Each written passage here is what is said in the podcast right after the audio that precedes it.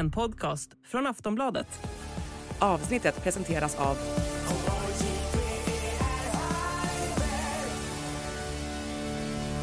Stödlinjen.se, åldersgräns 18 år.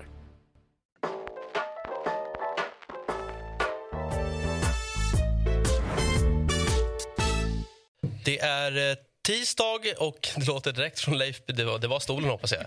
Lite Eller var det ja, så kan man också starta ett program. Välkommen ska ni vara till Hockeymorgon. Eh, Det är en fullspäckad timme som vi har eh, framför oss med eh, Lagus, Leifby och Knäckta. Välkomna hit. Tackar. Eh, Och ett extra välkommen till dig, Stig Salming. Jag hoppas att läget är under kontroll med dig. Ja då, tack för att jag komma. Ja, du är supervälkommen. Eh, vi ska prata väldigt mycket mer med dig, Stig, eh, lite senare i programmet. Men eh, lite kort här, det som jag hajade till på när jag läser i din faktaruta utöver 200 matcher då för Brynäs är att du tog tre eller sex SM-guld. Hur många SM-guld tog du och varför står det så här i mitt papper? Ja, det förstår jag. Det är sex. Det är sex stycken, ja. Det, var, det kanske var någon sån här serie, alltså att serien var, såg lite annorlunda ut, att man räknar på olika sätt då. Jag vet inte, men det som är noterbart är vad spelade 13 säsonger i Brynäs Ja, och tog sex guld. ja, Så det var ett vartannat år då. ja. Ja. Det- är helt otroligt, även om det inte var så. Då, men ja. det är ju en makalöst eh, facit måste man ju säga. Men du berättade innan vi satte igång det här programmet, Stig, att, att eh, det är nå- något guld till som du borde ha fått ändå. Ja, just det. 75. Då hade vi en avgörande match nere i Göteborg där domaren eh, bedömde att han som kom fri, Prosten Karlsson, var fri med målvakten och gjorde mål. Men domaren kunde på något konstigt vis få, få till det så att Prosten var före i målgården. Och det begriper inte jag hur det går till när man kommer fri med målvakten. Mm. Vi ligger till 75 eh, Ja. på den där listan, Ja. tycker jag. Leif, du har säkert koll på den situationen, va? Ja, ja, den är ju berömd. Eh, och eh, kryddar ju någonstans hela den här goa rivaliteten som fanns mellan Leksand och Brynäs. Det är väl bara Leksand och Brynäs som tar SM-gulden där under en 12-årsperiod på 70-talet. Ja, i stort sett. Jag tror att Södertälje var inne Ja, de knep kanske ett där någonstans. Härlig, härlig tid som Mm. man tyvärr inte fick uppleva. Utan man får läsa i kapp istället. Ja, men där är du stark. Ja, det försöker jag Du är född för sent. Född för sent. Eh, härligt, Stig. Vi ska som sagt återkomma till dig och prata såklart om eh, Börjes eh, liv och karriär och den eh, serie som också pågår på Viaplay. Eh, jag tänker att vi ändå tar avstamp i hockeyresan, eh, Marcus. Du har varit ute och rest igen, turnerar i eh, Norrland. Eh, du har bland annat fått stått sida med sida med Per Ledin. Skrek du några välvalda, eller? Nej, det gjorde Per, som han gjorde för 20 år sedan. Eh, ja, men det var trevligt. Eh, alltid trevligt att komma till Norrbotten eh, och känna på nejderna lite. Vidderna, snön, kylan. Eh, det var härligt. Eh, Älvsbyn var vi kollade in Storforsen, vilket är ett häftigt ställe. Ja. Sen var vi på ishockey där också. Division 3. Division 3, norra, nordligaste Norrland. Division Var du där? 3, nord, norra. Jag har spelat eh, en match i Älvsbyn och det är enda gången som jag har fått en goodiebag eh, i omklädningsrummet från Älvsbyhus. Så att jag skulle säga att det var en väldigt bra upplevelse för mig också. Ja, det är väl antingen det eller så är det Polarbröd. Ja, precis. Mm. Nej, men det var fint. Älvåker ishall, eh, en liten fin ishockeyhall med goda istider tydligen. Så om man vill åka skridskor på allmänhetens åkning så kan man ta sig till Älvåker ishall. Finns det utrymme. Mm. Ska vi ta en, en titt på hur det såg ut? Okej. Det här är liksom en hjärtinfarkt på bricka. Jag vill dö i Älvsbyn. Och var för fan inte rädda att slå en icingpuck. Tänk på att det är division 3 ni spelar i. Man lirar sig inte ur zon varje gång. Skicka puckjäveln bara rätt ner i kortsargen. Det är nämligen så att jag sitter i speakerbåset och älskar att säga icing. Så slå några extra för min skull. Icing. Och musik då.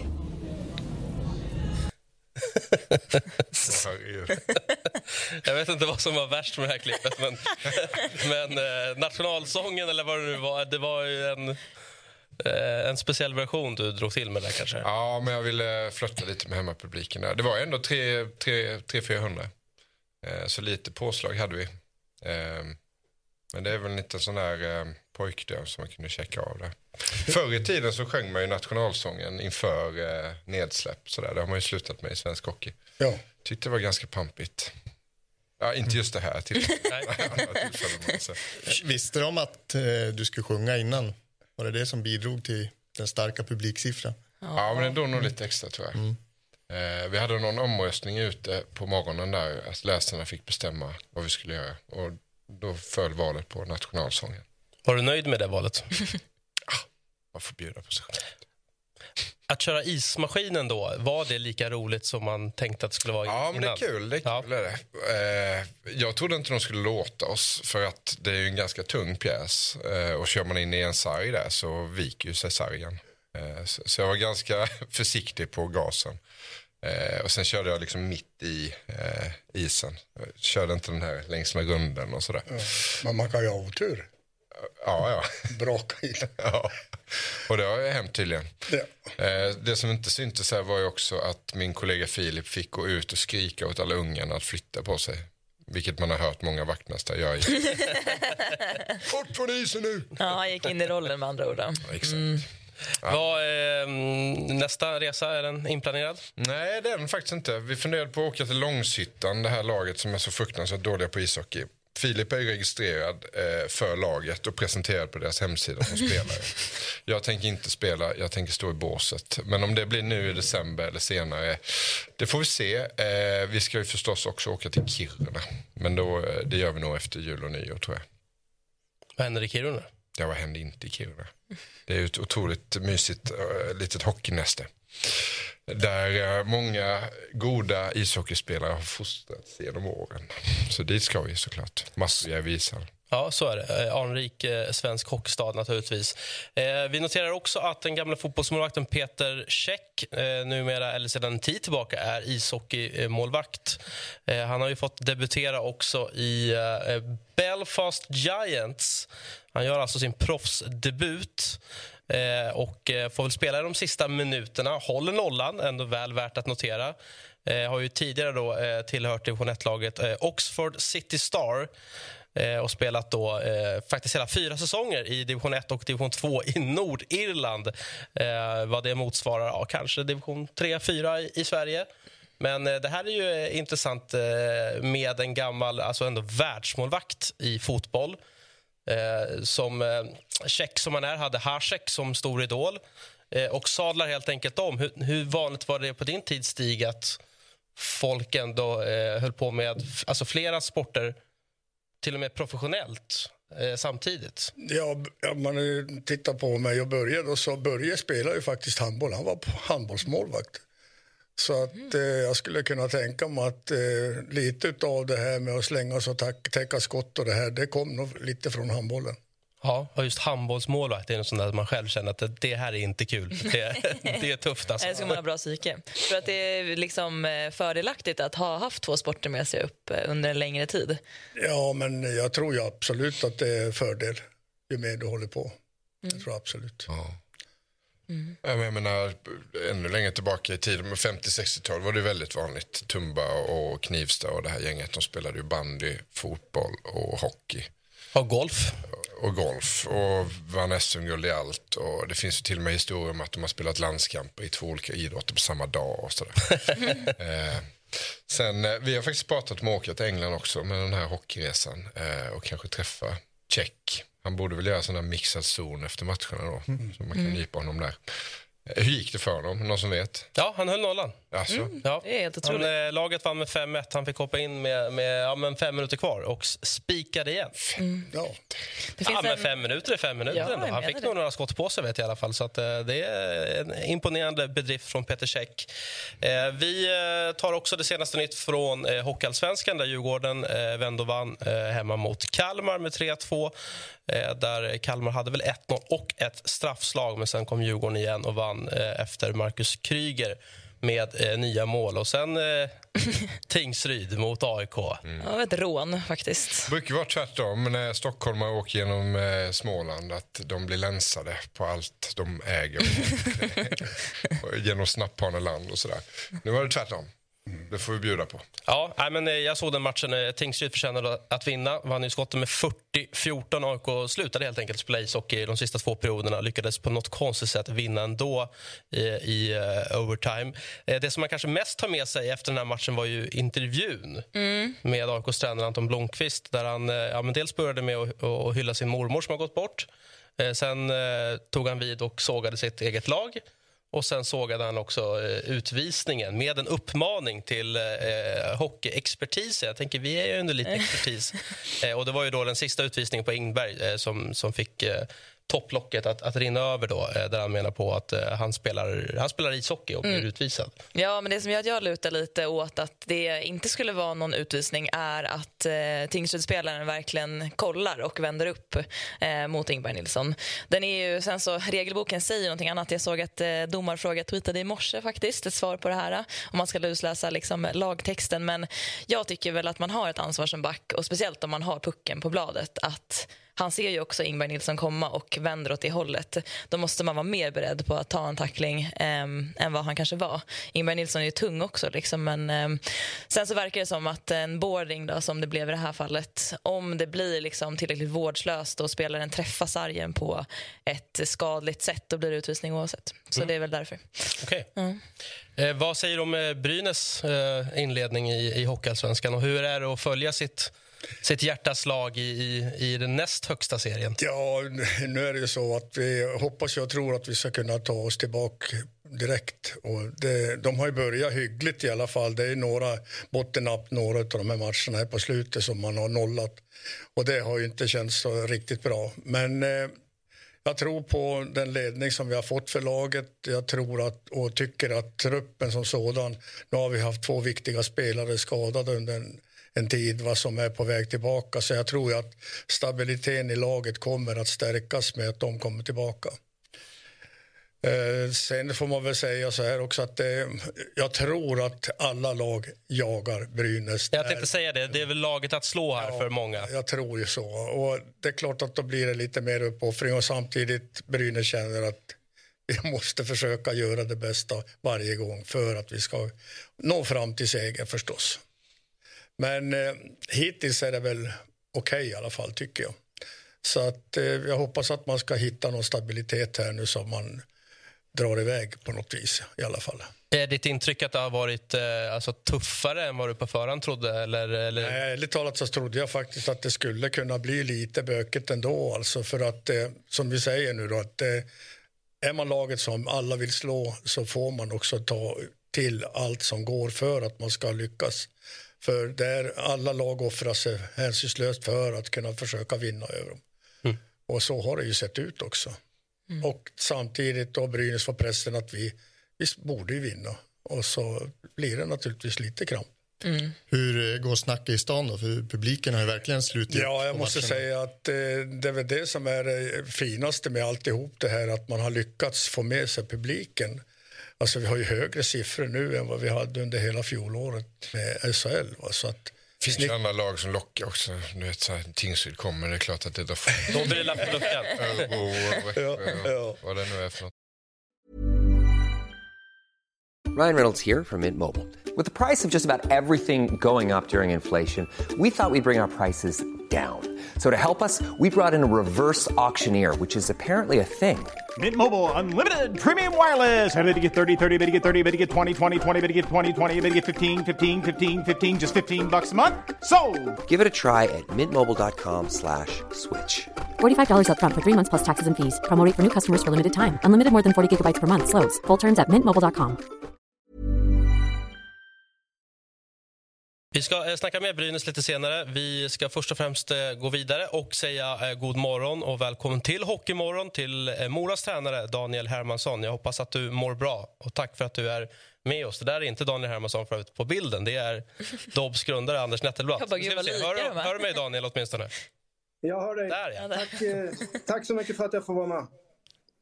Ja, det är våran ära att du vill vara med. Eh, en härlig månad bakom dig har du eh, som tränare i Mora. Senast eh, 6-0 mot Almtuna. Vad säger du om den matchen och den, den senaste tiden här för ditt Mora? Eh, ja, om vi börjar med den matchen så, så det var lite så här, ja men lite trött novembermatch men jag tycker att vi, jag är väldigt nöjd med vårat, eh, våran prestation, vårat sätt att hålla ihop laget, vårat sätt att eh, ändå åka till, till Uppsala och, och göra en stabil insats och, och vinna. Så att eh, mycket som var bra med den insatsen. Sista tiden så, ja, vi har, vi har ett ungt lag, eh, ganska mycket nya spelare men nu har vi spelat 20 matcher och vi vi börjar växa in i, i serien på, på ett bra sätt. Och var lite svajigt från början, men eh, det blir, det blir bättre och bättre. Du ersatte ju Johan Hedberg inför den här säsongen. Eh, om du får liksom berätta lite vad du själv har satt för prägel på det här laget under inledningen, vad skulle du säga då?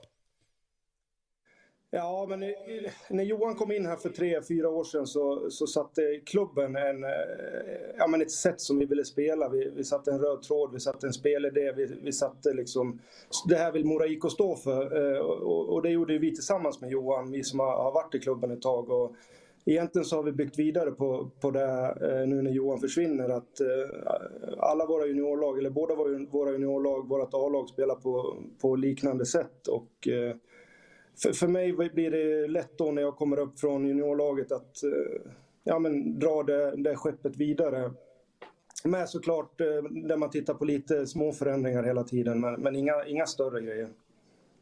Ja, du var inne på just att ni har väldigt ungt lag. Eh, alltså, du var ju med i tränarstaben redan 17-18 och sen via då U16, J20 tillbaka som, som headcoach. Det känns som att du påbörjade den resan lite då i fel ände. Att du kanske bara skulle ha börjat direkt i, i 16 och sen i J20 och sen tagit laget. Men du började ändå högst upp och sen tillbaka ner och sen upp igen.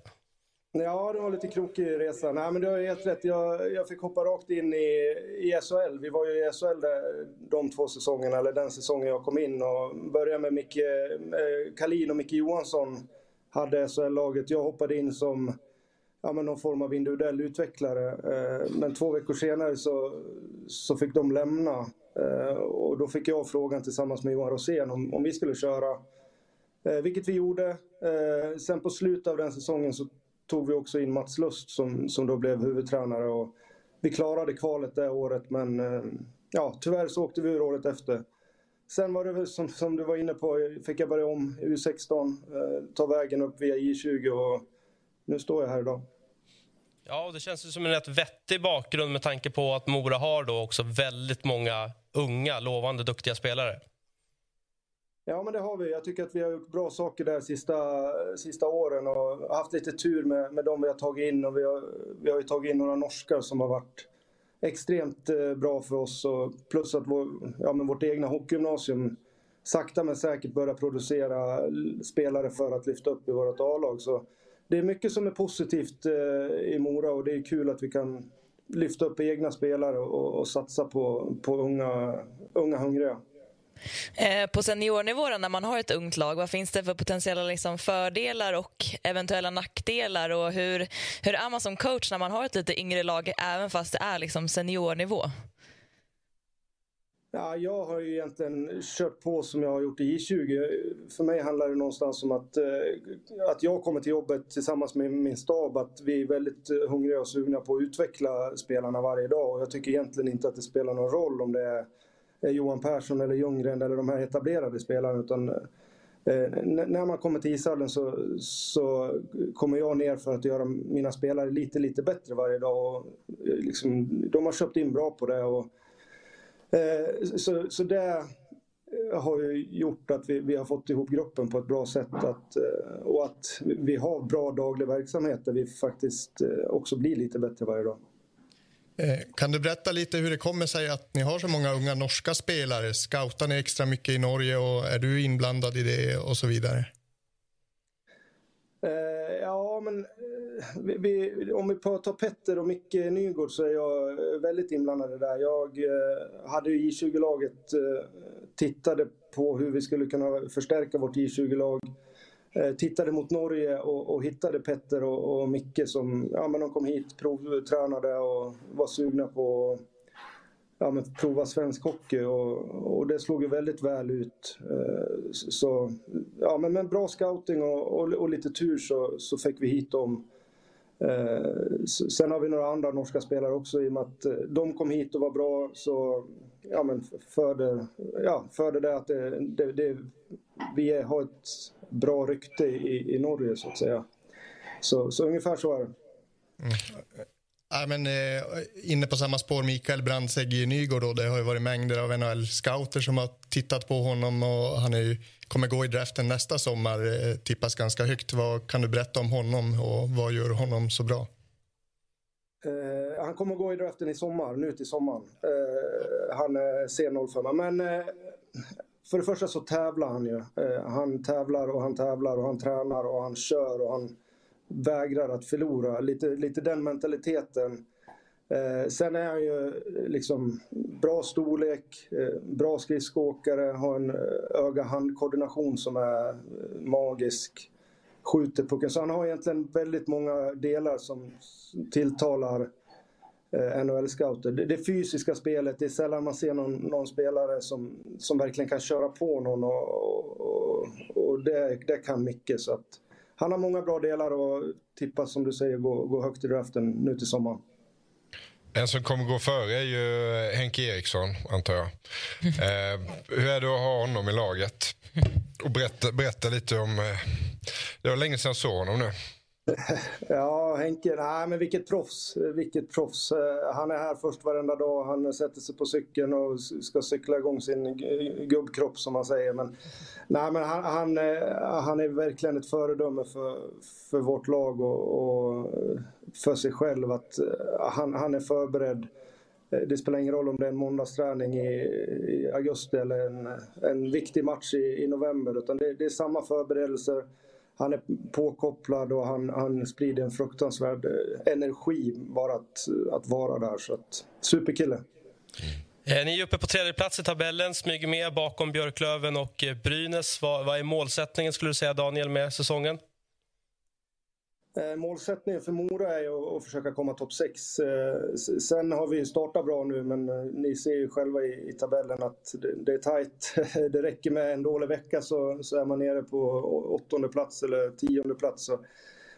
För oss handlar det om att ja, men, vara fokuserade, utvecklas, ha en bra daglig verksamhet, titta mycket på prestation och sen förhoppningsvis i slutändan så, så är vi topp 6 och då då kan ju allt hända när, när, när det blir slutspel.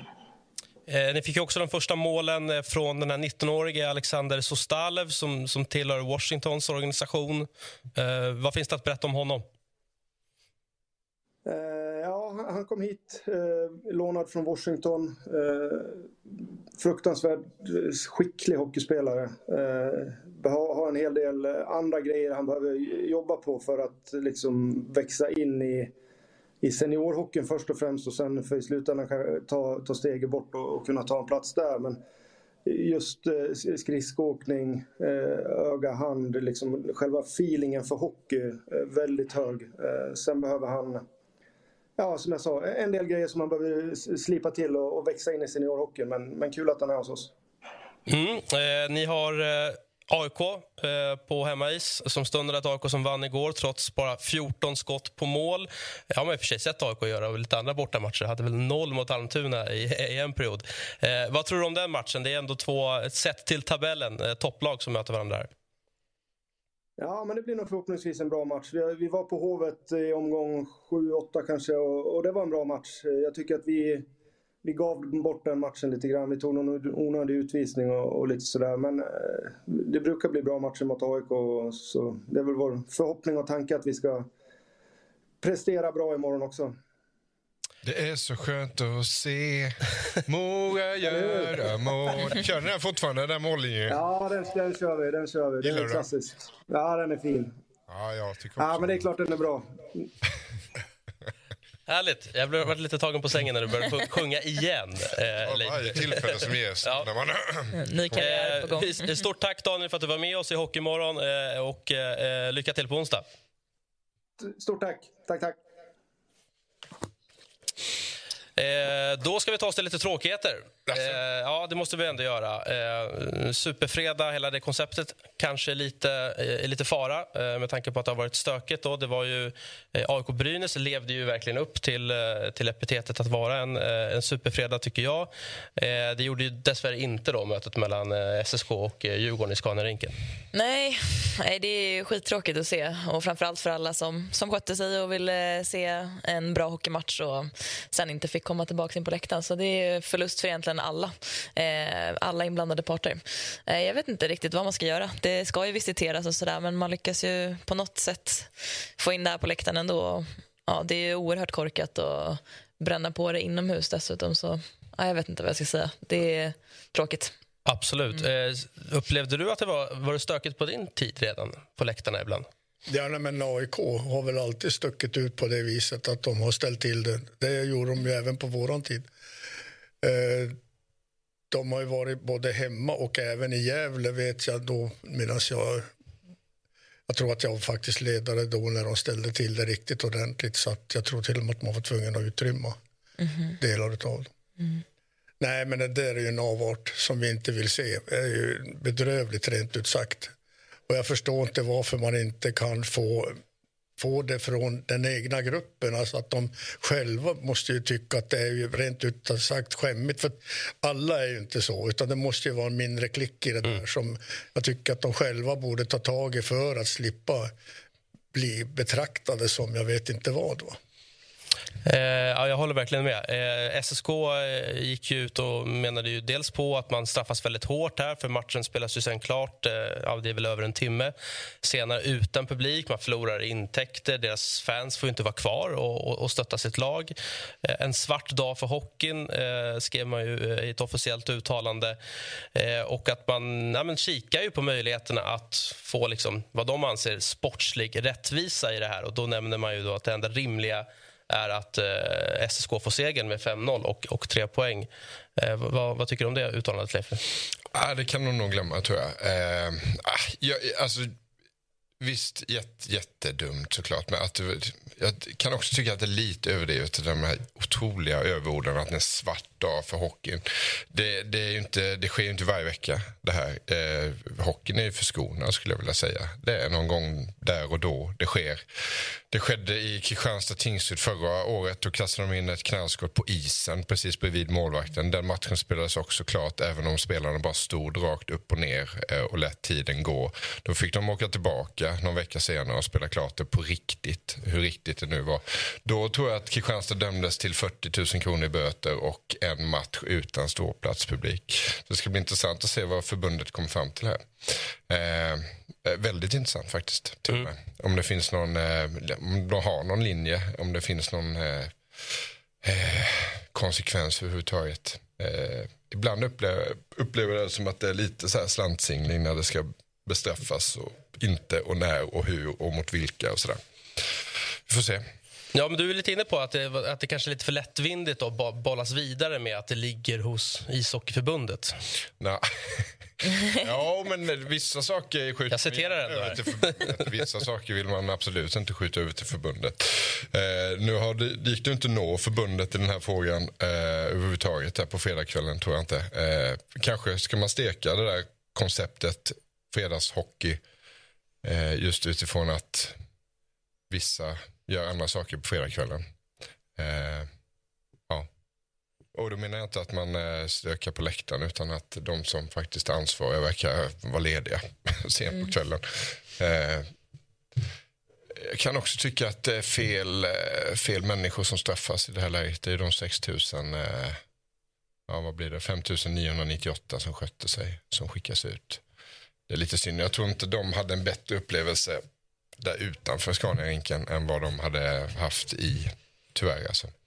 Det var rätt rörigt där utanför. Eh, Vad, vad tror du, Jonathan? Är, är liksom hela superfredag-konceptet i fara här nu? Det finns väl en anledning att stormatcherna i fotbollsallsvenskan spelas på måndagar och söndagar. Liksom. Men jag tycker, jag tycker att det ska gå att fortsätta spela på fredagskvällar ändå. Men det öppnar ju för en liten intressant frågeställning. Eh, liksom att, eh, ja, men tjänade Djurgården på det här? Nu slapp de eh, spela inför en extatisk Södertälje-publik. Kommer andra supportrar få idéer och stöka på borta is och så vidare? Och hur allvarligt ska det vara för att man ska tömma hela arenan? Sen är inte, var inte jag där och kan inte bedöma hur, hur det var, men eh, oroande. Nej, och vi sitter inte på, på all fakta här. Eh, och Det kan jag också tycka är lite synd. Lägg allting på bordet. Vem tog beslutet? Varför tog, togs beslutet? Det kan ju vara att de visste att det fanns eh, 150 bengaler i fickorna på folk. Det vet inte jag. Nu tror jag inte att det var så. Men eh, upp med fakta så att vi får få eh, reda på det. Det känns som att man försöker deeskalera situationen genom att de kan inte gå in på ståplatsläktaren och ta bort de spelarna, eller de eh, liksom besökarna som har ja, gjort det här. Så då får man skicka ut alla, vilket är alltså, enligt mig fel också, men det finns typ inget alternativ till lösning. Eh, om det har gått så långt, tänker jag. Nej, det är väl lite så kanske. Mm. Det brukar, jag tror ju på förebyggande arbete och eh, att det här är eh, ja, men självsanerande på något vis som, som Stig är inne på. De allra flesta eh, tycker att det är skit. Eh, slår det mot klubben, det kommer det förmodligen göra, det kommer kosta Djurgården en slant. Eh, då tycker ju de allra flesta att det är eh, bedrövligt gjort. Och då kanske de som gjorde det eh, ja, gör det någon annanstans nästa gång. Ute ett de, som är, de som är på läktaren och ser de här elementen som inte ska vara där. Alltså att man måste få ut dem därifrån och det borde ju vara internt hos dem själva, hela publikskaran som är då för Djurgården eller Brynäs eller vem det nu än må vara. Att man själv vill sanera ut mm. det som mm. inte funkar. För jag menar, det, alla blir ju lidande. Nej, jag håller med. Sen så är ju, jag kanske inte skulle våga. Du är ju lite tuffare än jag är Stig. Du hade ju rensat upp här eh, på egen hand. Jag kommer ihåg jag var i Södertälje för ett år sedan. Då var det något liknande, eh, liknande incidenter. Eh, då spelade de ju faktiskt vidare med publik och det lugnade sig och det löste sig. Mm. Jag vet inte om det var för att Tommy Bergman kom ut på pressläktaren och bara la armarna i kors och, och sen var det precis som att allt bara la sig. Mm. Där kanske vi har den framtida lösningen. Han får åka runt bara, Tommy Bergman. Eh, ja, vi får se vad konsekvensen blir. En konsekvens kan ju bli att kommande matcher mellan klubbarna kommer att eh, kunna flyttas. Eh, vi får se vad efterspelet landar i.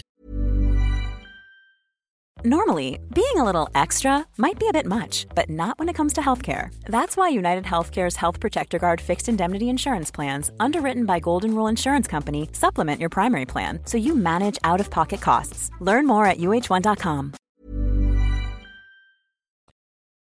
Vi tar lite kort också den senaste omgången, eh, lördagens SHL. Eh, framförallt Örebro och Timrås segrar som jag tycker sticker ut. Eller vad säger du, Jonathan och, och Jonathan? Jonathan och Jonathan. Du var med där. ja, Anna verkligen. Jonathan. Båda namnen börjar på J och det är tidigt på morgonen. Ja, men jag, absolut. Jag, tycker, jag var ju och såg liksom Färjestad eh, live, så det var kul. Det var slutsålt i Leksand och tycker det var en riktigt bra match. Eh, nog kan man kanske tycka att Leksand till och med borde vunnit den. Eh, så pass bra var de, men eh, ja, bra hockeyunderhållning i alla fall. Ehm, men absolut, Örebro studsar tillbaka efter några matchers eh, torka. Och Rögle har vaknat, checkat upp nästan mm. hela liksom försprånget så nu är de med i den här supertajta mittenklungan. Det var väl femte raka segern eh, som har fått det, fått det att snurra. Tycker de spelar lite mer back to basics. Ja. ja. Så är det. Eh, vi ser i tabellen att det är fortsatt då Färjestad i topp och att eh, Rögle börjar klättra då efter den där härliga rivalsegern borta mot Malmö. Det är väl också full eh, omgång, eller nästan, ja det är väl det, va? sex matcher. Mm. Eh, där vi har exempelvis då Luleå mot eh, Skellefteå och eh, även eh, Oskarshamn då, stackars Oskarshamn. Ska de kanske vinna då mot Leksand? ja, vi får väl se. Det är inte helt omöjligt. De vann väl senast tror jag, faktiskt. Så där är de ju favoriter på inbördesmöten. Om jag minns rätt. Mm. Mm. Eh, full omgång alltså. Eh, missa inte det i, ikväll i S. Ikväll alltså? Mm. Är det ikväll? Mm. Jaha. Sex matcher ikväll. 19.00 där, Leif. Nej, men jag, ser, jag har inga glasögon på mig. Nej. Det är inte Hockeyallsvenskan. För, för ovanligheten skulle är det tisdag, torsdag, lördag. Mm. Tror jag. Den här, jag tror det är fler matcher torsdag. Okay. Mm. Ja, vi får se. Ja. Grafiken säger det. Det stämmer, det är en match på torsdag. Ja, härligt. Eh, då så. Eh, då eh, släpper vi SHL eh, och eh, ska prata lite mer med dig, tänkte jag, Stig. Eh, nu har vi rätt ut att du vann ju sex stycken SM-guld med Brynäs här, mellan 67 och 81. Ja. Och sen tränade du också Brynäs 81 till 87. Eh, om vi börjar med tränargärningen, varför... Eller, sex år är ju sex år, men kunde du inte ha fortsatt lite till som tränare? Eh, jo, men jag var faktiskt på väg. Jag fick ju någon förfrågor, förfrågning från eh, Percy faktiskt till Malmö, men det, det kändes inte rätt i alla fall. Men sen eh, fick jag en förfrågan till, från Schweiz och det var ju väldigt nära att jag hade dragit iväg på det, men då var det så att de internrekryterade en kille som var skadad, en kanadensare, så att där föll det på mållinjen. Ja, sen så tyckte jag att det fick vara nog. Ja. Hade inte den där kanadensaren blivit skadad då kanske det... Ja, då hade jag, då hade jag faktiskt, då var jag inne på att vi skulle åka och familjen med och allting på, på tåget. Så att det var, då hade det nog blivit av. Men hur var det att tacka nej till Percy då? Ja, men inte Malmö heller. nej, nu, sko, nu skojar jag inte. Men, nej, men, nej, men det kändes inte rätt att flytta i Sverige. Det, jag har sett för många tränare som har dansat runt på två, tre, två, tre år på varje ställe. Så det hade jag ingen lust med. Men blir man inte lite kräsen också när man har så fint facit som du med bara massa säsonger i Brynäs att man liksom verkligen i så fall om man ska ta något nytt eh, kontrakt välja med, med omsorg då? Ja, nej, men samtidigt så kände jag liksom att jag hade nog... eh, Jag var nog färdig på något vis. Eh, Jag hade, var väl inne på att jag skulle starta eget inom ventilationsbranschen som jag hade hållit på att jobba med tidigare. Så att eh, blev jag kvar i, skulle jag bli kvar i Sverige då kände jag att nu, då får det vara nog. Så att, eh, nej men det känns, det har blivit rätt också tycker jag. Så att, eh, men det skulle naturligtvis vara lite roligt att gjort det där äventyret i Schweiz faktiskt.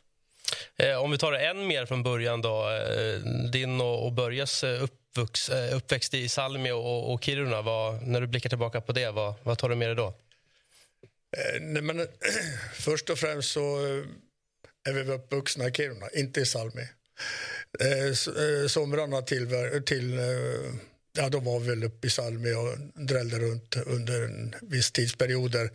Speciellt då efter att eh, pappa gick bort när jag var nio års ålder. Så att då hamnade jag där på somrarna och Börje hamnade hos sin mormor i Murjek. Och då var vi faktiskt särade på så att vi såg inte varandra på somrarna. Eh, men sen när vi väl började träna och spela hockey så har vi ju följts åt och jag debuterade i Kiruna AIF när jag var 14, började precis lika. Och eh, vi spelade tillsammans i A-laget mitt sista år där uppe där Börje var med som junior och vi spelade faktiskt ihop där en säsong. Och eh, sedan så hade jag ju faktiskt lite bökigt att ta mig in i laget. Det var ju bara fyra backar då på den tiden och Brynäs var, hade varit svenska mästare två år i rad. Va? Så det, inte var, det var inte alldeles enkelt att ta sig in. Eh, dessutom så värvade man Masen Karlsson från Strömsbro. Så vi krigade där, vi var sex stycken där då med Masen som en extra back där som sedan också spelade sig in i laget bland de fyra. Så att det var ju inte så där väldigt, väldigt enkelt att ta sig in. Men jag, jag spelade ju en del i alla fall under de där första två åren. Och sen när Börje kom då, det tredje året så blev vi backpar tillsammans direkt. Hur gick det till när du, när du blev värvad till Brynäs? Ja, det var väl det så kallade Norrlandsögat som såg oss, han från Harads. Så han hade väl sett både Lars-Göran och Tord och mig och Börje som han har tipsat om då. Men fyra backar, alltså hur mycket kondition behövde man träna då? Ja, vet- Vartannat byte Det gick hela inte matchen? så jäkla fort. Nej, men ändå. Jag tänker man Nej, men det var ju så. Det, sex backar vart det under min tredje säsong, alltså när Börje kom.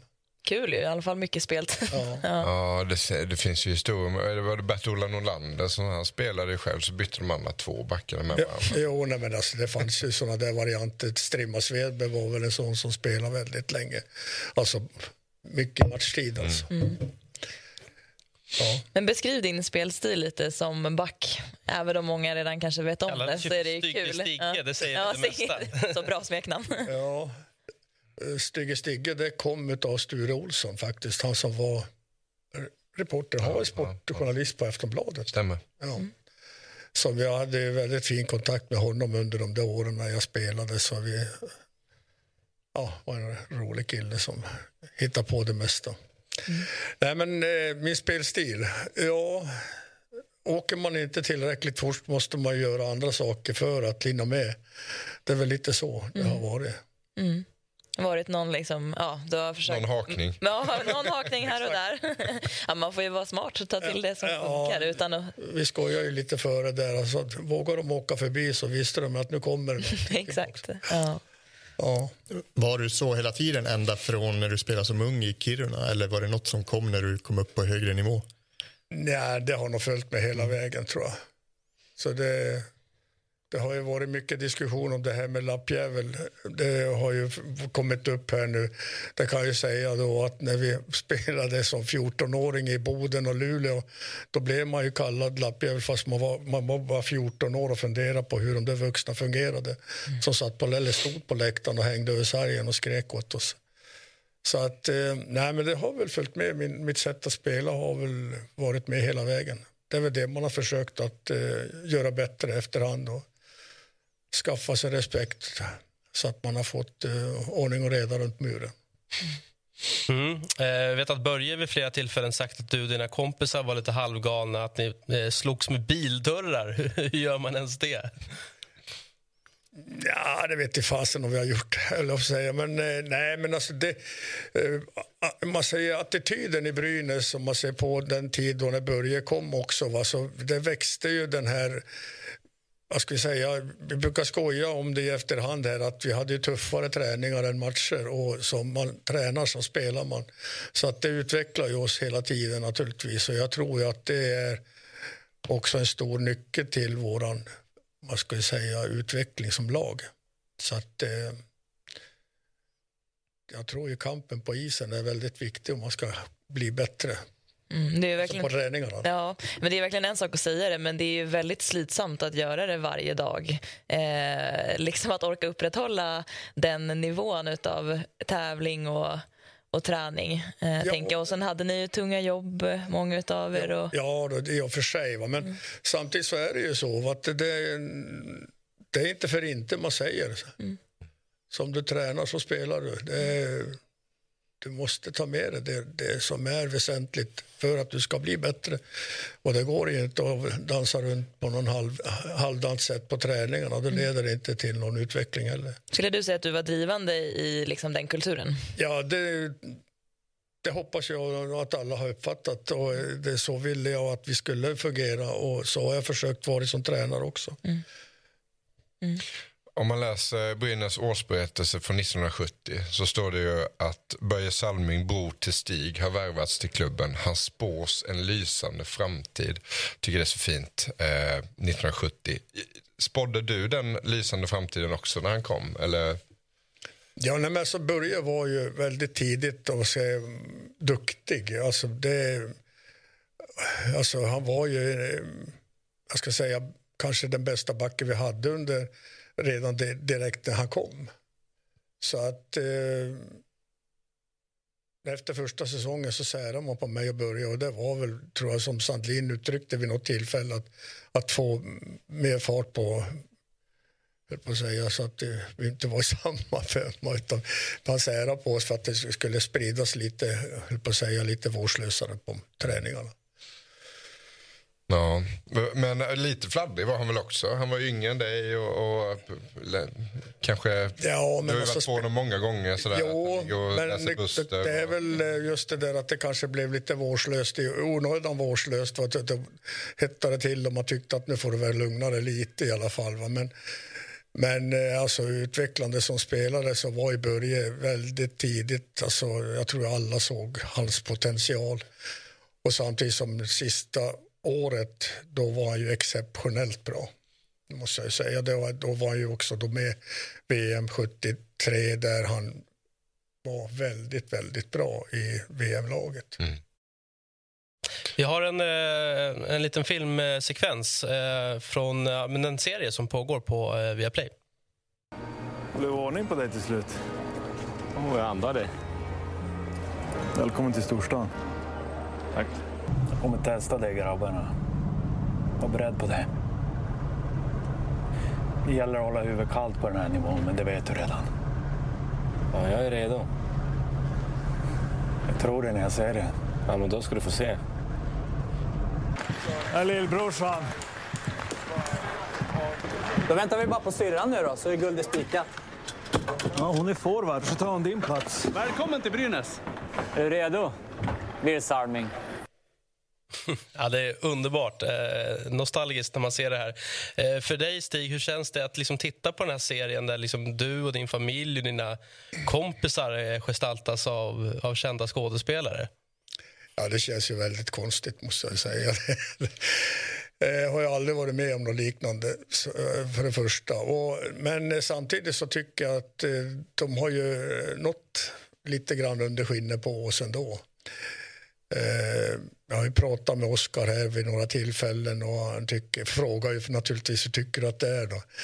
Ja, men säger att bäst är i alla fall när ni är tyst för då känns det som att jag är i ditt huvud när jag ser hur du, hur du gör och hur du reagerar. Och, så att eh, skådespeleriet, det har de ju verkligen. Fint betyg ja, delar ut. Det. det tycker jag de har gjort bra. Har du varit delaktig under inspelningen? Nej, jag har ju varit och tittat lite grann, det har jag gjort och eh, pratat med Oskar lite grann, det har jag. Eh, dessutom så tycker jag att jag har fått så fin kontakt med Han har varit förbi mig faktiskt efter filmen var färdig. Så han varit förbi. För hans eh, sambo jobbar ju och reser emellan Umeå och Stockholm. Så att eh, vi, vi, har träffats lite grann. Men eh, fick du vara med framför kameran? Vi noterade att Inge Hammarström är ju med som eh, statist här i filmen. Ja, men ni får väl hålla upp ögonen. Jag säger ingenting, eller på säga. Nej, men håll koll. Ja, det, det, ska finnas någonting med i alla fall, vad jag har förstått. Mm. Mm. Härligt. Um... Får jag fråga en sak? Ja, absolut. Det, det, nu vet jag inte riktigt. Jag har ju sett alla delar. Um... Och i en del, utan jag tror inte spoila så mycket, så, så blir du uppvaktad av Toronto Toros, hette de ett lag i VHA som vill värva både dig och Börje till klubben. Var det så? Eller är det fiktion? Uh, ja, jag, jag, kommer inte ihåg om Börje hade någon förfrågan från Toros, men jag själv hade mm. det. Sen hade jag från några andra lag nere i USA också, men då hade jag hunnit bli så gammal så jag tyckte att... Dessutom hade jag tre barn hemma. Mm. Så att det kändes inte rätt att börja dra iväg. Dessutom så höll vi, eller jag pratade naturligtvis med Börje om de här frågorna och där Börje tyckte att är det så delade kontrakt det, det kan bli jäkligt bökigt för det.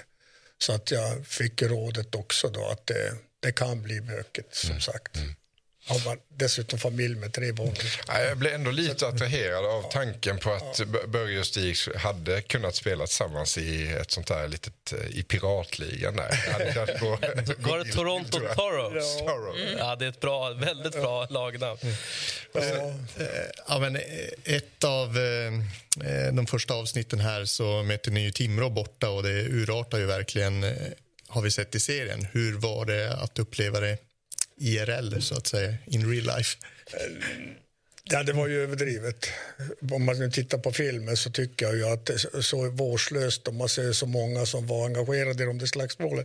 Det var det inte riktigt. Va? Men eh, visst var det bökigt och det jag säger att rått var det också för att Börje slog ju faktiskt ner Finn Lundström ordentligt va? så att han låg däckad på isen och blev, fick matchstraff och jag vet ju att jag skällde på honom i bussen när jag väl hade kommit ut därifrån för att han jag upplevde att han var ju så himmelens viktig för laget. Va? Så mm. att, eh, jag tyckte att eh, fan, rent ut sagt, nu blir du avstängd och du vet vilken vikt du har i laget. Så att eh, det var, det var lite sådär så att när jag skällde i bussen vet jag att det var så tyst i bussen så jag fick nästan dåligt samvete för jag tror att alla tyckte att jag var för vårdslös med honom. Ja. Ja. Han var ju ganska vårdslös med sig själv, Börje. Eh, hur, hur, fick du reda på alla de här rätt otäcka skadorna som han råkade ut för som också kom i serien senare? Ringde han till dig? Läste du i tidningarna? För att man kunde inte titta på matcher på den här tiden. Hur fick du reda på att han hade fått en skridsko i ansiktet till exempel? Minns du det? Nej, jag kommer inte ihåg i detalj, men alltså, jag fick ju reda på det och eh, jag tror att just vid det tillfället så var jag nog lite så där så att jag tyckte att för fasen, du måste ta och ringa mm. när det händer sånt där så att jag får reda på det och inte behöver se det i tidning eller att de ringer till mig och säger att du har gjort illa. Mm. Och det är allvarligt. Alltså det tyckte jag var jädrigt jobbigt att få. Så att eh, jag tror faktiskt att det var efter den där skridskon som han började ringa till mig då mm. när det hände. Vi har ju bägge fått eh, klubbor i ögonen och därav börjat använda visir och det kan man ju fråga sig hur pass klok man är när man håller på där man inte tar på sig visir när man ser, som i mitt fall, Janne Asplund fick en klubba i ögat i en landskamp i Tjeckoslovakien och ja, då hette det faktiskt Tjeckoslovakien. Mm. och jag åker hem, Janne Asplund får men för livet. Alltså han missar ju synen på ögat. Och jag åker hem och så går det bara några månader så får jag själv en klubba i ögat nere i Göteborg och blir liggande så får ligga still på hotellet för att sedan försöka ta mig hemåt i lugn och ro. Och så ligger jag där och funderar på hur, hur korkad får man bli? Så att, eh, ja ja. Men hur har det varit då? För det är en sak att spela tufft liksom, fysiskt med kroppen och sådär. Men alla slagsmål som har varit, har det någon gång varit jobbigt fysiskt? Att man inte har velat gå in i just ett slagsmål för att man är liksom, orolig för att få skador för livet? Eller jag, var det bara att köra? Ja, jag tror faktiskt att eh, man går nog på intuition. Alltså, det är bara som läget blir så ja, man reagerar. Mm. Och så får det bli det det blir. Mm. Canada Cup, nu har jag två frågor här. Ja, jag kör på. I varandra lite. Canada Cup 76 måste du berätta om. Du sitter i båset där när Börje får den här enorma hyllningen. Ja, jag har försökt att förklara det många gånger. Men det är så, alltså, vi var ju inte förberedda på det där. Inte någon i laget vad jag kan förstå och inte Börje själv heller. Så att jag sitter i båset och ska ut nästa byte. Och det är klart att det varit otroligt känslosamt. Alltså, så att jag vet ju att jag satt och bet mig själv i läppen. Alltså satt och stirrade ner i golvet för jag kunde inte titta upp helt enkelt. Så att, eh, ja, jag försökte bromsa mig själv där för att liksom klara av att hålla fokus på det jag skulle göra själv. Mm. För det var faktiskt så otroligt eh, starkt så att, eh, ja, usch. Mm, och jag får gåshud nu. Ja. det är väldigt coola. Det finns ju på att se ju också på, eh, på televisionen. Ja, man får alltid gåshud när man ser det. Vi hade Peter Wennman på Aftonbladet var där. Han har berättat eh, om hur det var att uppleva det. Jag pratade med Björna Johansson. Tyvärr eh, har han gått bort nu. Han är ju den svenska spelaren som presenteras efter Börje. Så jag frågade vad publiken gjorde då. Då sa han bara Ja, de satte sig ner. ja. Och i, i, eh, vid den här tiden så möter ni ofta Kanada. Du har liksom stiftat bekantskap med Phil Esposito. Eh, I VM 77 i Wien så springer ni på varandra också. Kan du ha några minnen av det? Eh, jo, det har jag. jag kan hjälpa dig sen om du... Ja, nej, men det började ju faktiskt med att vi spelade någon träningsmatch, alltså en förberedande match då mot eh, det här kanadensiska laget i Göteborg. Varpå vi, det blir några smällar där och jag kör på någon spelare och han kommer och gormar och skriker och hyttar och ska på mig och så rycker jag till på något vis och får se vad han ska göra. Så, men då backar han och då ruskar jag på huvudet åt honom. Så att jag tror att han varit lite förnärmad där. Va? Så att, eh, det där följde med ner till Wien sen. Så att, eh, och det var ju lite otrevlig jakt på alla, alla spelare som skulle möta dem. Va? Men, eh, nej, men jag tyckte vi klarade det hyggligt i alla fall. Men han dök ju upp, på, det var det du syftade på antar jag. På när vi, för vi bodde ju på samma hotell allihop. Och där kom han jag skulle, han kom jag bara skrika över något dansgolv där när vi skulle gå av, gå ut därifrån så kom han och sprang och skrek och slet av sig tröjan och skulle på mig och jag stod och väntade. Och jag tänkte, måtte du komma tillräckligt nära för nu har jag träskorna på mig. och så hade, hade jag fått eh, såna här Kirby-mål ja. träskor från Leksand faktiskt. Det hade vi fått allihop. Ja. Så jag hade dem på mig så jag tänkte, kom tillräckligt nära så ska du få den. Men eh, som, som tur var för honom, då, säger jag, Ja. då kom den här kapten för USAs lag, Louinen, vad hette inte så? Ja, i alla fall USAs kapten kom springandes över golvet och fick tag i.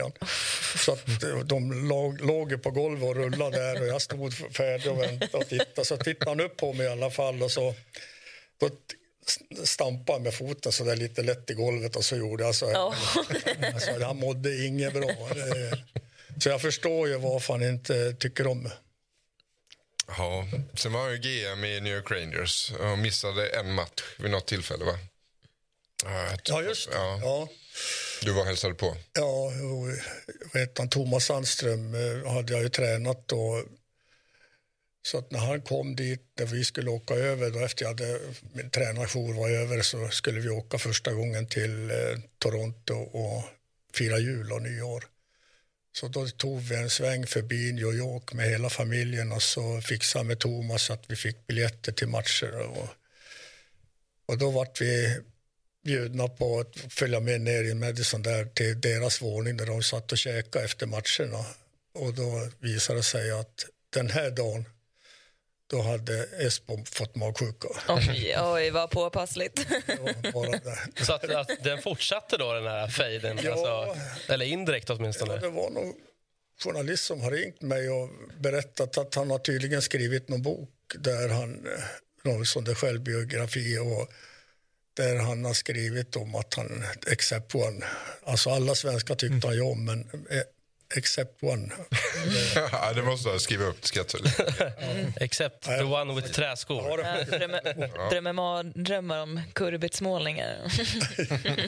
Men hade du tofflorna på händerna eller?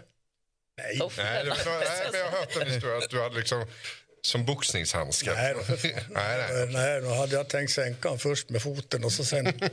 du skulle dra en roundkick. Ja, ja.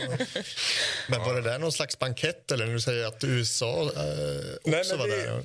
vi åt i alltså det var ett Schönbrunn, det är ett stort hotell som 17 och där, ja, de utmärkte sig där också, Kanada. De slog sönder halva sin våning och sen fick de flytta från det där hotellet dess under hela alltihop det. Ja. Eh, det är ju eh, lite drygt ett år sedan eh, Börje lämnade oss. Hur skulle du beskriva att det året har varit för dig? Ja, nej, men alltså det här har ju varit rent ut sagt gräsligt får jag lov att säga för att eh, min fru gick bort i cancer ett år tidigare eh, och Börje bli sjuk, alltså bli, få diagnosen ett halvår innan så att det har han hann ju bara gå fem, sex månader mellan det att vi hade haft, alltså att min fru gick bort och Börje fick diagnosen och sen går det prick ett år mellan de bortgångarna. Så att eh, ja, men det var fruktansvärt tungt. Och sen han ju bara Börje gå bort så går mamma bort. Och det var väl mera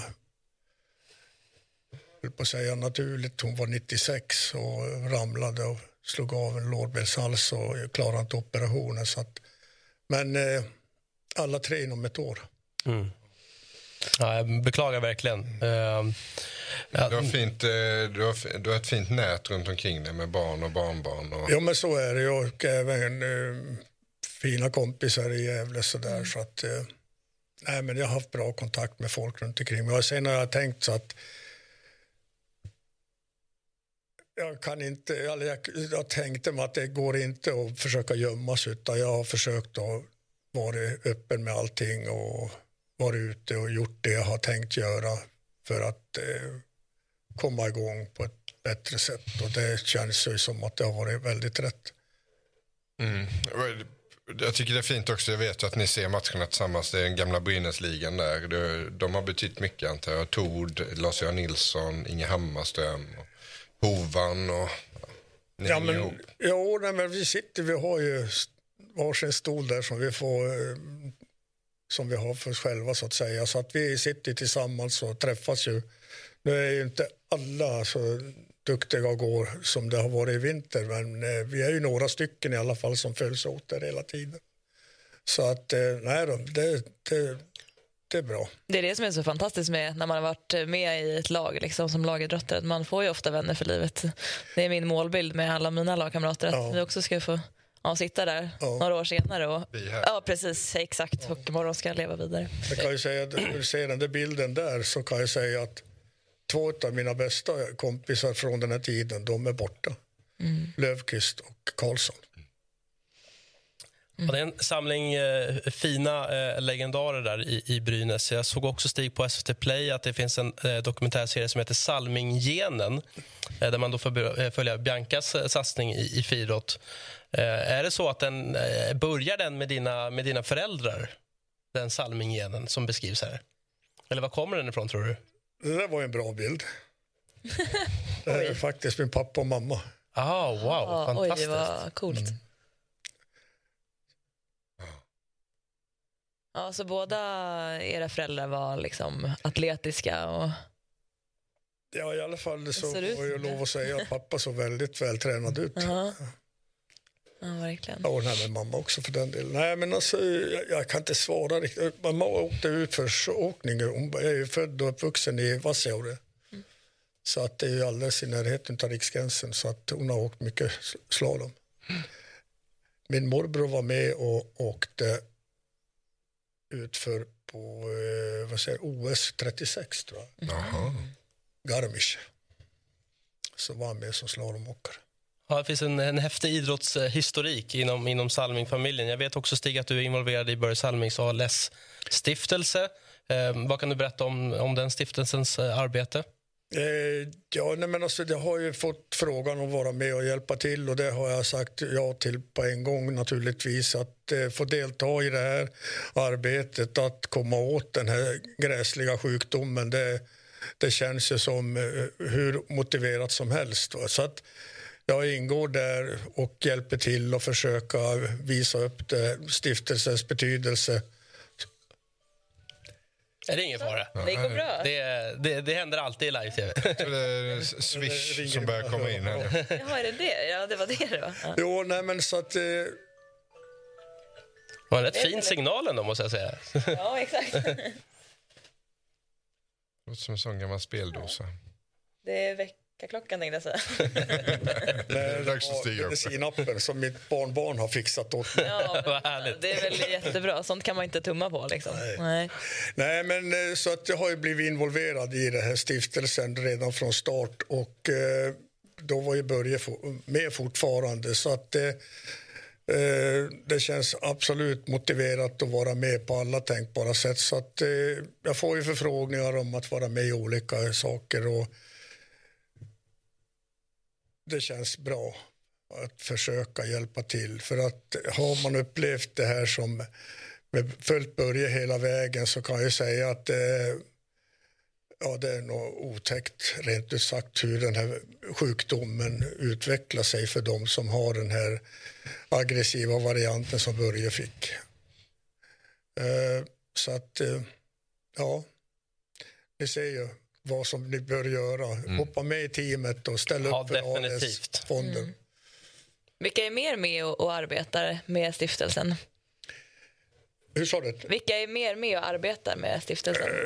Ja, det är ju ett forskarteam naturligtvis. Som, vi hade ju en möte här nu igår i, här i Stockholm där de har presenterat de eh, eh, forskare som ska få bidrag till att kunna göra jobbet. Och det känns ju väldigt fint att eh, vi är framme redan där. Att det nu kommer att utlösas pengar för att hjälpa de här forskarna att verkligen göra jobbet. Så att eh, hoppas verkligen att vi får ut maximalt av det hela naturligtvis. Och att den här stiftelsen växer. För det var ju det jag sa när vi satt eh, på Berns här och fick ta emot checken från Brynäs på 10,5 miljon från matchen som spelades i Gävle. Och så försökte jag uttrycka det att eh, vi måste rida på vågen. Att fortsätta, inte släppa det här åt sidan utan vi måste synliggöra det här hela tiden fortsättningsvis så mycket vi kan för att hålla liv i det här och att man verkligen förstår vitsen med att det här är viktigt att vi får in pengar så att vi kan stödja de här forskarna till att vi hittar resultaten Mm. För nu kommer ju omgång 21 upp också. Ja. ja. Och då kommer det göras väldigt mycket för att uppmärksamma stiftelsen, tänker jag. Ja, ja men och, eh, sen är det ju då det här Team Salming, det, det är ju där man kan sätta in då 21 kronor, Mm. sätta upp det för och eh, ju fler vi blir desto större blir kakan för att kunna få ihop pengar till det. Eh, Lite, lite typiskt Börje också på något vis. Han banar väg för svenska NHL. Han, han eh, stöttar damishockeyn. Eh, han står upp för den samiska minoritet, vad säger man, ursprungsbefolkningen. Och till och med så här, efter sin bortgång så fortsätter han att göra nytta på något vis. Det tycker jag är fint. Eh, ja. Mm, verkligen. Jag var, jag var faktiskt i Kiruna när, när Börje eh, hyllades och tackades av av en delegation från Toronto. Man kan göra rätt mycket som, som sportjournalist. Man kan åka på OS och bevaka SHL-omgångar och sådär. Men att få vara med där uppe i Matujärvi. Du var där, Karin var där, Tiger Williams var där. Han var helt galen eh, hela den helgen. Och Börje var där och Toronto-delegationen var där och hissade upp den här vepan och sådär. Eh, den cirkelslutningen, eh, att bara ha fått vara med om det, det gör ju att man är så här, man, kan, eh, man är klar som sportjournalist. Jag skulle kunna tacka för mig nu och vara nöjd. Eh, Det är häftigt. Fint sagt. Nej, men det var mäktigt var det. Eh, Tiger Williams, så himla roligt. Vi träffade honom på Arlanda. Kom dit, jag och en kollega skulle åka upp tänkte vad fan är det för jävla liv där i den eh, O'Learys baren. baren. Var det ju Tiger Williams som höll låda, snackade och historier. Så, så vi började prata lite med honom. Han svor som en bossbindare och svor hela tiden. Varenda gång jag såg eller hörde honom så var det svordomar. Sen gjorde vi en sån tv-synk med honom. Inte en svordom. Polerad och ordentlig och sådär. Och, ja. Ja, det var en härlig, härlig helg i december för några år sedan. Vad härligt. Eh, Det känns som att vi skulle kunna prata mycket, mycket längre. Eh, Det har vi inte möjlighet att göra dessvärre. Eh, Vi lider mot slutet av Hockeymorgon. Det var jättefint att ha dig här, Stig. Och verkligen att uppmärksamma det viktiga arbetet med kampen mot ALS. Framförallt då i samband med, med omgång eh, 21.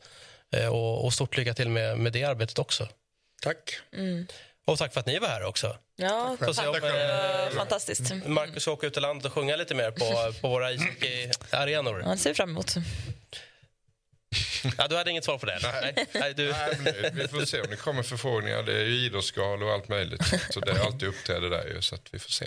Byter du bara ut uh, ortsnamnet där du är i nationalsången? För att dra, dra ner Jag applåderna? kan sjunga någon cover, så här, du vet, himlen runt hörnet, Lisa Nilssons dänga så där, på Idrottsgalan, a cappella. Eller något sånt. Där har vi det. Där har vi uppmaningen. Det är bara att anlita Marcus Leifby a cappella. Eh, vi är tillbaka på fredag med ett nytt rykande färskt avsnitt av Hockeymorgon. Så häng med oss då också. Hej!